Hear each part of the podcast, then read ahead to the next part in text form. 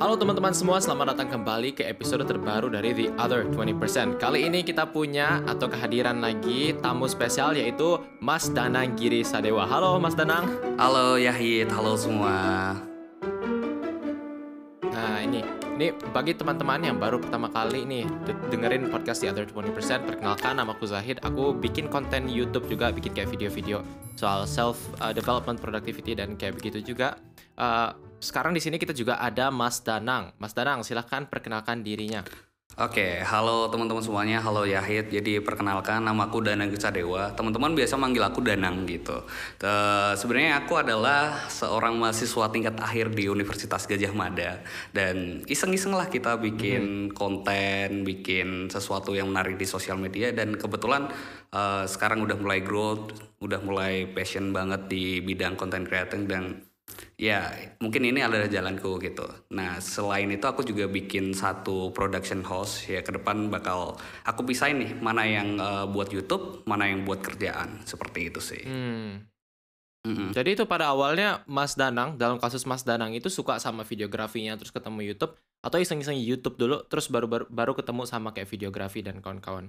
Sebenarnya kalau kita ngomongin YouTube itu udah lama banget hit. Eh, udah dari 2011 aku udah daftar YouTube pertama kali gitu kan.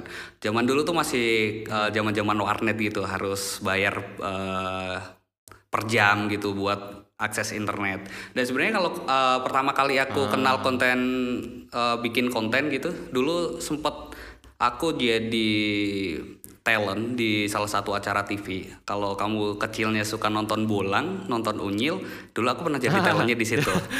Iya. Ah iya iya iya, aku pernah lihat fotonya di Instagram. Dan ya dari situlah uh, aku mulai tumbuh kayak oh seru juga bikin konten, seru juga bikin video gitu kan. Nah waktu itu masih SD hingga akhirnya uh, sunatan. Kalau sunatan kamu suka apa ya di di daerahmu dikasih duit gitu nggak sih? Oh, gak tahu. Aku kayak disunat waktu masih kecil banget. Fun fact, Kalau aku kan pertama kali loh. sunatan itu kan dulu aku apa ya suka dikasih duit gitu kan. Akhirnya pertama kali dulu beli handycam. Beli handycam yang enggak uh, merek-merek terkenal kayak Sony gitu enggak Uh, mereknya itu masih merek-merek Cina lah ya itu. Tapi aku udah seneng banget dari duit sunatan itu. Biasanya orang beli HP orang beli uh, apa yang dia pengen aku beli uh, handycam pada waktu itu. Dan coba-coba bikin video dulu ngedit uh, masih pakai movie maker hingga sekarang aku pakai Adobe Premiere gitu Adobe After Effects gitu-gitu sih. Progress. Hmm, I see. Nah, ini kalau Mas Danang sendiri sejauh ini di YouTube kira-kira apa manfaat terbesar yang paling yang Mas Mas Danang dapatkan? Eh, sebenarnya kalau ngomongin YouTube juga itu yang tadinya kita kan eh, dulu harus membicarakan sesuatu, memberikan opini-opini kita itu harus didengar dan orang itu harus punya media dulu biar eh, suara-suara kita itu didengarkan gitu. Tapi dengan adanya sosial media seperti YouTube ini kita jadi punya opini, kita jadi punya pemikiran itu bisa disebarluaskan oleh kita sendiri gitu. Nggak harus nunggu media-media gede harus ngeliput kita, nggak harus nunggu media-media yang ngejar-kejar kita. Tapi dari impact kecil kita bisa menyebarkan sesuatu loh. Apalagi kalau kita ngomongin tentang konten-konten kita kan hampir hampir mirip ya, Eh, punya impact yang positif sebenarnya itu sih. Kita memberikan satu value, kita memberikan satu eh, sebuah gagasan yang nanti bertujuan buat memberikan impact positif dan dari sosial media ini kita udah bisa dapetin medianya loh tinggal kita cara kita buat mendeliver kontennya itu seperti apa gitu sih Hmm, I see. Nah, itu aku juga lihat kalau dari sisi Mas Danang itu Mas Danang tuh nggak hanya fokus ke YouTube aja, bahkan udah coba kayak branch out juga kayak misalnya ke TikTok dan membuat konten di Instagram juga. Kadang-kadang tuh aku sering mendapatkan kayak misalnya kata orang kalau misalnya mau berkembang tuh ya fokus ke satu platform aja. Tapi ada saatnya juga kan kita harus coba branch out. Nah, kalau di kasus Mas Danang, kapan Mas Danang merasa harus branch out dan apakah itu sesuatu yang dibutuhkan bagi seorang content creator? Eh, menurutku yang namanya content creator kita ambil dari eh, kata kuncinya ya content creator Uh, sebenarnya banyak orang yang salah mendefinisikan gitu. Banyak orang yang bilang, oh Yahid youtuber, Danang youtuber. Nah, youtuber itu kan uh, terkotak-kotak di dalam satu platform aja. Tapi kalau kita mendefinisikan diri kita sebagai content creator, as a content creator, sebenarnya uh, semua platform itu adalah wadah kita untuk berkreasi gitu. Dan ngomongin tentang platform, YouTube itu sangat berbeda dengan Instagram. Instagram sangat berbeda dengan TikTok konten YouTube uh, diberikan di Instagram mungkin relevan, tapi ketika konten Instagram dimasukkan ke TikTok uh, itu sedikit tidak relevan seperti itu. Jadi kita pinter-pinter aja. Yang tadinya uh, aku kan sempat mention di awal, kalau kita punya sebuah value yang ingin disampaikan ya pinter-pinter kita untuk mendeliver itu gitu. Nggak mungkin kita jualan uh, sesuatu tapi kita nggak tahu pasarnya seperti apa, kita nggak tahu algoritmanya seperti apa. Jadi kita harus coba-coba semuanya aja untuk satu goals me menyebarkan value itu tadi hit gitu sih sih. Hmm, jadi yang penting itu adalah soal value-nya, tapi kayak medianya, YouTube, TikTok atau apa pun cuma salah satu cara buat nyampe ke ke tujuan itu ya. Iya. Yeah, that's point. Nah, jadi kalau itu dari segi value-nya, tapi nanti pasti ada juga content creator yang melihat bahwa content creating ini adalah sebuah bisnis di mana mereka tidak hanya bisa memberikan value tapi bisa menjadikan itu sumber pendapatan gitu. Tapi kalau misalnya kita memutuskan untuk branching out kayak gitu, apakah itu strategi yang baik menurut Mas Danang untuk bisnis atau channel kita berkembang? Oke, ngomongin duit ya berarti ini ya. uh, itu nggak muna uh, nggak munafik sih sebenarnya kalau uh, kita kan bikin konten butuh modal ya. Kita kita butuh equipment apalagi uh, yang namanya dunia kreatif itu sebenarnya nggak nggak uh, teori ini nggak nggak sepenuhnya benar juga sih. Bikin konten mah bikin konten aja. Tapi buat uh, meningkatkan value kita meningkatkan orang trust ke kita dan meningkatkan tingkat video kita kan kita juga butuh equipment equipment gitu. Nah sebenarnya uh, penting untuk orang itu memulai dari sesuatu yang dia suka dulu. Memulai dari sesuatu yang dia emang bener-bener passion di situ. Uh, banyak orang kan aku kadang ngisi seminar gitu. Banyak orang yang uh, pengen bikin YouTube, pengen bikin pengen bikin TikTok, Instagram dan lain sebagainya itu uh, mikirnya udah ke uang-uang dulu. Ya, ya nggak munafik, semua orang butuh uang, semua orang butuh modal. Cuma hmm. ketika uh, mindset kita udah ke uang dulu, kita nggak akan nyaman mengerjakannya gitu. Dulu aku pernah kerja juga uh, ngajar di salah satu platform online juga. Duitnya gede banget hit. Cuma aku nggak merasa nyaman di situ hingga akhirnya aku uh, burn out, aku nggak bisa mikir dan kayak uh, setiap hariku tuh diisi dengan sebuah apa ya?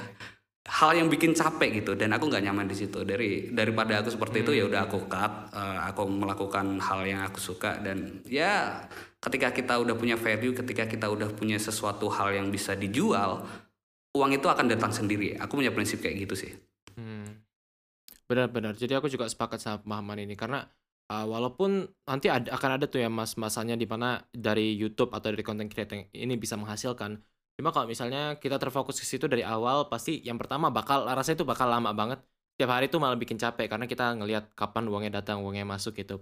Karena banyak content creator, Mas ngerasa nggak kalau misalnya sebagai content creator tuh titik kita yang nggak dapet apa-apa sama sekali sampai ke titik kita dapat sesuatu gitu itu kayak nggak terasa gitu transisinya. Jadi tahu-tahu kita bangun ah udah kayak gini aja gitu. Iya iya bener-bener aku ngerasain tuh uh, setiap orang tuh kan kadang ngelihat orang wah gila dan Grisa Dewa keren banget ya sekarang. Orang tuh selalu mengagung-agungkan aku yang sekarang. Cuma aku ngerasa biasa aja. Kamu ngerasa gitu nggak sih? Kayak eh aku tuh emang udah dikenal seperti ini ya? Men aku nggak nggak ngerasa seperti itu loh. Padahal aku tuh orang yang biasa aja. Padahal aku masih nongkrong di uh, warteg dan lain hmm. sebagainya. Hmm. Aku aku bukan orang yang berbeda. Nah ini ini penting juga buat teman-teman yang uh, memahami sebuah proses gitu. Aku selalu bersyukur walaupun uh, bisa dikatakan kalau kita lihat fenomena sosial media sekarang orang dapetin subscriber banyak berjuta-juta tuh gampang banget.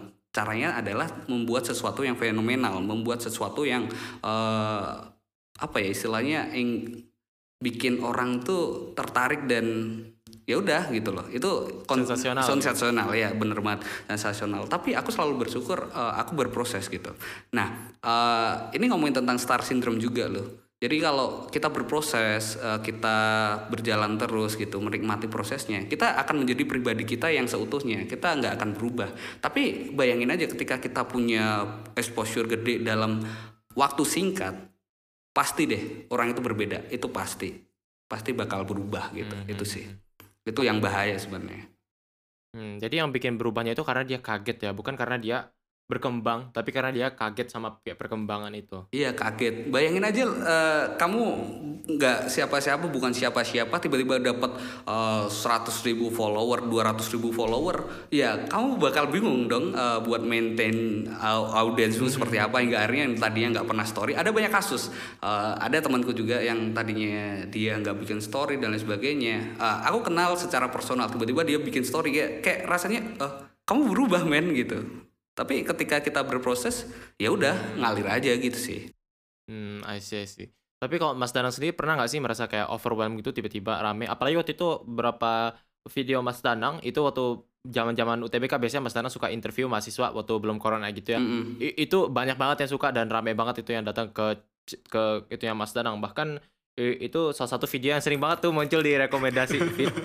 Nah, jadi uh, ketika ada saat-saat kayak gitu, Mas Danang merasa overwhelmed overwhelmed gak sih? Karena kalau aku sendiri merasa bahwa waktu awal-awal ada channel detection gitu, aku merasa oh ini banyak sekali kayak misalnya tanggung jawabku jadi banyak banget rasanya aku jadi kayak mau masuk selimut aja gitu hilang dari bumi sementara. Terus juga waktu ada penghasilan misalnya, aku jadi nggak tahu ini kayak gimana cara ngelolanya gitu. Uh. Untungnya sekarang udah lebih lebih bisa sih kayak tahu kayak ada yang harus dipotong buat uh, tabungan ini ini. Tapi kalau Mas Danang sendiri gimana tuh? Ke kalau waktu itu ya jujur 2019 akhir gitu. 2019 akhir tuh emang naik-naiknya banget sih. Uh, sorry sorry pertengahan 2019 hmm. pertengahan waktu mau uh, eh, UTBK gitu itu naik-naiknya banget. Dari yang tadinya sebelum 100 ribu subscriber hingga bisa nyentuh uh, 170 ribu subscriber dalam hitungan 2-3 bulan aja. Dan uh, ya udah wow. ya udah kayak waduh ini aku harus gimana? gitu Nah ini ini sebenarnya juga bisa dilihat dari dua sisi kayak uh, ini positif buat kita, negatif buat kita. Positifnya adalah kita jadi semangat lagi buat bikin konten, bikin sesuatu yang baru. Tapi negatifnya adalah uh, yang mindset kita tadi aku bilang di awal kita menyampaikan sebuah value hingga akhirnya ketika angka-angka itu datang, kadang kita bisa tergelincir dan kita terbutakan dari situ sih sebenarnya. Itu bahaya banget menurutku seperti itu. Nah itu kembali lagi kayak orang yang cepat naik aku aku punya prinsip gini hit. Orang yang cepat naik pasti dia cepat turun. Kayak roda deh. Kamu lihat sesuatu yang viral hmm. boom buzz nggak perlu nyebutin nama siapa itu dia pasti bakal hilang suatu saat. Tapi ketika uh, dia naik secara perlahan pasti juga bakal turun secara perlahan. Karena hidup juga bakal naik turun gitu sih. Hmm. itu pasti ada gitu. Nah ngomong ini aku pengen nanya nih soal satu fenomena yang sering terjadi di antara content creators. Uh, itu adalah tentang YouTube Studio. Ah. Nah, kalau bagi para pendengar nih, mungkin uh, kalau pertama kali dengar YouTube Studio, jadi kalau misalnya seorang kreator atau siapa pun sih yang punya channel YouTube, cuma biasa dipakai sama kreator, itu ada tools namanya YouTube Studio. Jadi itu apanya YouTube, alatnya YouTube buat nge-track performance dari channel si kreator. Jadi ada misalnya ranking video dari 10 video terakhir, nanti ada juga kayak panah hijau, panah merah menandakan kayak misalnya pendapatan naik, penonton turun dan kayak gitu. Nah, jadi itu berapa kali sering dibahas sama YouTuber-YouTuber di luar negeri aku rasa ya. Karena katanya itu kurang sehat untuk kesehatan mental si kreator kalau misalnya mentingin YouTube Studio. Nah, kalau Mas Danang nih, gimana pendapatnya tentang YouTube Studio? Iya, uh, YouTube Studio bener sih kata kalau tadi dibilang itu nggak baik buat kesehatan mental. Aku sekarang uh, upload video nggak pernah lihat YouTube Studio lagi. Aku nggak pernah karena dulu ya dulu waktu kita yang yang aku bilang dari 70 ribu subscriber sampai 170 ribuan itu naik seneng banget hmm. gitu kita bikin seneng gitu iya, refresh iya, refresh refresh naik naik Kayak naik gitu. nagih men terus kalau kita warna hijau semua. warna hijau semua itu seneng tapi kalau warna merah itu bikin frustasi. Jadi kita malah mikirin itu bukan mikirin konten apa yang kita buat malah mikirin kenapa orang nggak suka? Kenapa orang nggak nonton video kita? Gitu. Itu selalu selalu mikir seperti itu. Nah sekarang uh, ya udahlah. Aku upload video ya udah.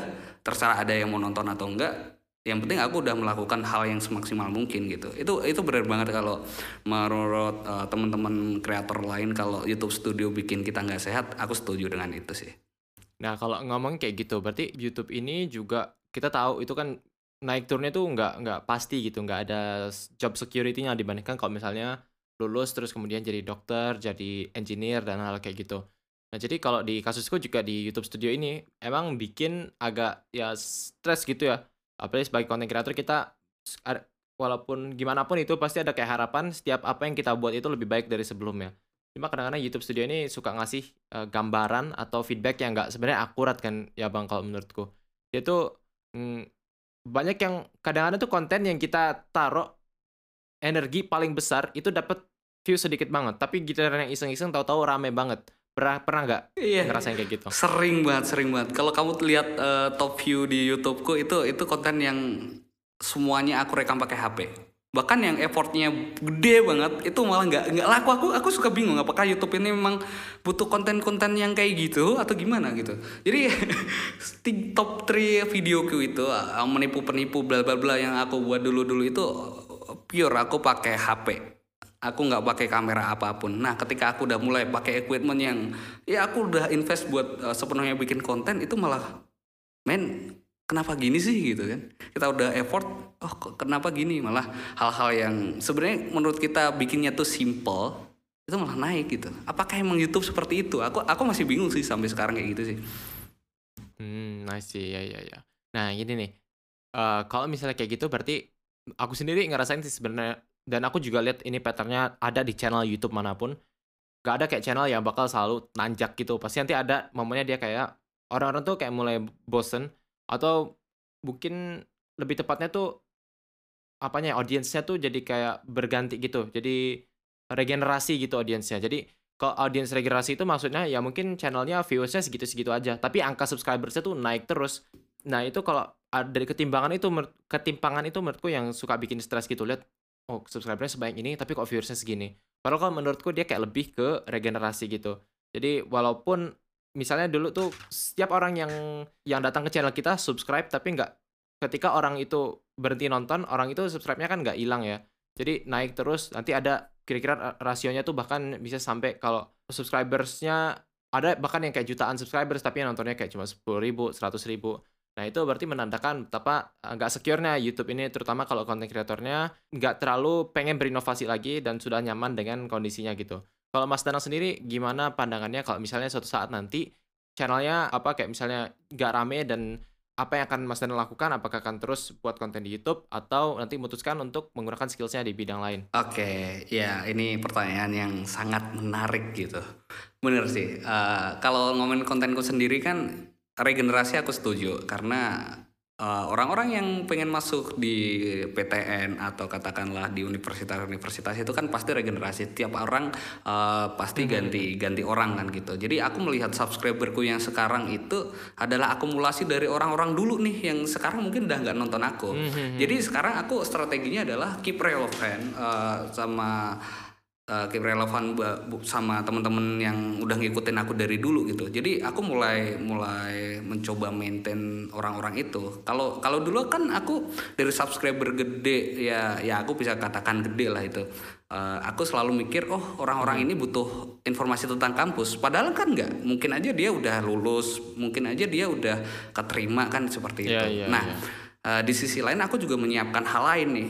Nah, YouTube atau sosial media mana pun aku gunakan buat branding hit.